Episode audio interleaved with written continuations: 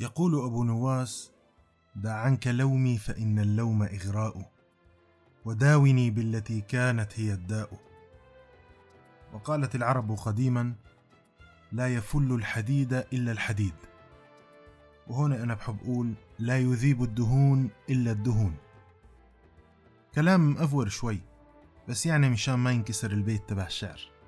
يكاد جميع أخصائيي التغذية بالعالم يتفقوا إنه ما حدا بينصح بالإكثار من تناول الدهون زيادة عن الحد الطبيعي الموصى به اللهم إلا إذا كان حدا مآمن بالموضة الدارجة هالكم يوم وهي ال ketogenic diet AKA الكيتو على وزن الفيس والواتس بدل ما نقول الفيسبوك والواتساب.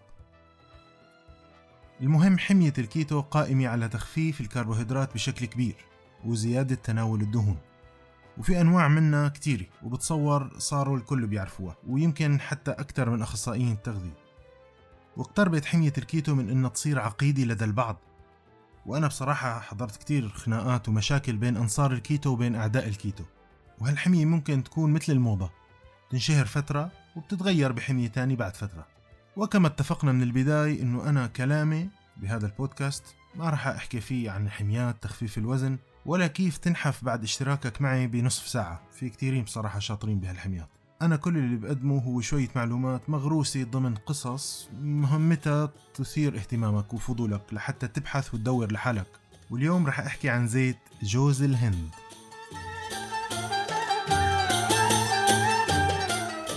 مثل ما بنعرف كلنا الدهون اللي بناكلها غالبا من المصادر الحيوانية مثل الحليب ومشتقاته أو اللحوم. بتكون دهون مشبعة ومسميها بالإنجليزي saturated fatty acid. وبتكون هالدهون هاي غالبا ماسكة بدرجة حرارة الغرفة مثل السمنة والزبدة اللي بيكونوا شبه صلبين بحرارة الغرفة. أما الدهون النباتية فغالبا بتكون سائلة بحرارة الغرفة. مثل زيت الزيتون وزيت دوار الشمس مدري دوار القمر وغيرهم من الزيوت. وسبب إنه الزيت النباتي سائل بحرارة الغرفة هو إنه بيتكون من دهون غير مشبعة unsaturated fatty acids. يعني فهمها إنه الزيت ما نشبع من بيت أهله فبتلاقيه مايع وسائل وبياخد شكل الإناء الذي يوضع فيه. وهالشي بينطبق على أغلب الزيوت النباتية ما عدا بعض الزيوت وأهمها زيت جوز الهند.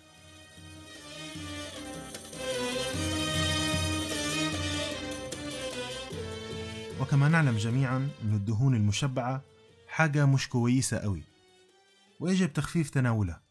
ولكن مثل ما بيقولوا إخواننا اللبنانية هيدا كان زمان. فبعد دراسة الدهون الموجودة بزيت جوز الهند تبين أنه هالدهون اللي فيه هي دهون مشبعة وصلبة بحرارة الغرفة أو شبه صلبة. يعني المفروض تكون مانا كويسة لصحة الجسم. ولكن اللي تم اكتشافه أنه هالدهون صحيح أنها مشبعة ولكنها هيك بتحسها أكابر. يعني إذا ما طويلة مثل باقي الدهون المشبعة الموجودة بالدهون الحيوانية لأنه بمعلومكم الدهون الحيوانية هي دهون غالبا مشبعة ولكنها طويلة. يعني كل حمض دهني بتكون طول سلسلته غالبا 18 ذرة كربون. طويلة شوي. بينما الدهون تبع جوز الهند هي دهون مشبعة ولكنها متوسطة طول السلسلة. يعني طول السلسلة تبعت الحمض الدهني تبعها بتكون انعظمت 12 ذرة كربون. يا سيدنا حتى هيك بتحس إنه اسم الحمض الدهني الموجود بزيت جوز الهند أكابر. مثلا شوف اسمع هالاسم اسمه lauric acid. lauric acid. حمض اللوريك. انت واحدة élégante تصحي تاكلي كرواسون. ما مثل الدهون المشبعة من المصادر الحيوانية. اسمها مثلا stearic acid. ويمكن هالكلام اللي قلته أنا معروف ومكرر وما في شيء جديد. وهون بحب خبرك إنه طلع إنه هالدهون اللي من زيت جوز الهند دهون ممتازة. من حيث انها بتفوت فورا على الجسم بدون ما يصير لها عملية أسترة. ليش؟ لأنه بمعلومة كل الدهون اللي نحن بنأكلها بتكون على شكل دهون ثلاثية اللي بنسميها أيضا ترايغليسيرايد بيتم تفكيكها أول شيء بالأمعاء الدقيقة عن طريق أنزيمات هضم الدهون اللي بتطلع من البنكرياس. مقصات بتطلع وبتقصقص هالدهون الطويلة. وبس تفوت لجوا جسم الخلايا الهضمية. لازم لازم لازم إنه نرجع ونشكلها كدهون ثلاثية مثل ما كانت قبل. يعني شو الفكرة؟ بناكل الدهون اللي بتكون ترايجليسيرايد أو دهون ثلاثيه أو شحوم ثلاثيه بنقصقصها عبر أنزيمات بتجي من البنكرياس وبعدين بنفوتها لجوا الخلية تبعت الجهاز الهضمي وجوا الخلية بنرد بنشكلها كدهون ثلاثيه فكرة حلوة. بعد ما نرجع نشكلها بنفوتها بقى تدور وتتفتل بهالجسم بقنوات خاصة بالجهاز الليمفاوي. هالشي هذا بينطبق على الدهون المشبعة الطويلة اللي هي بتجي من المصادر الحيوانية. أما الدهون جوز الهند الأكابر مثل اللوريك أسيد اللي حكينا عنه ما بدها كل هالعلقة ولا هالشربكة. فهي فورا بتفوت مثل الأميرات وبتتفتل بالجسم وبتستخدم كمصدر للطاقة فورا. ومش بس هيك بل إنه لقوا إنه هي بترفع من ال HDL ال high density lipoprotein اللي الناس تقول عنه الكوليسترول الجيد.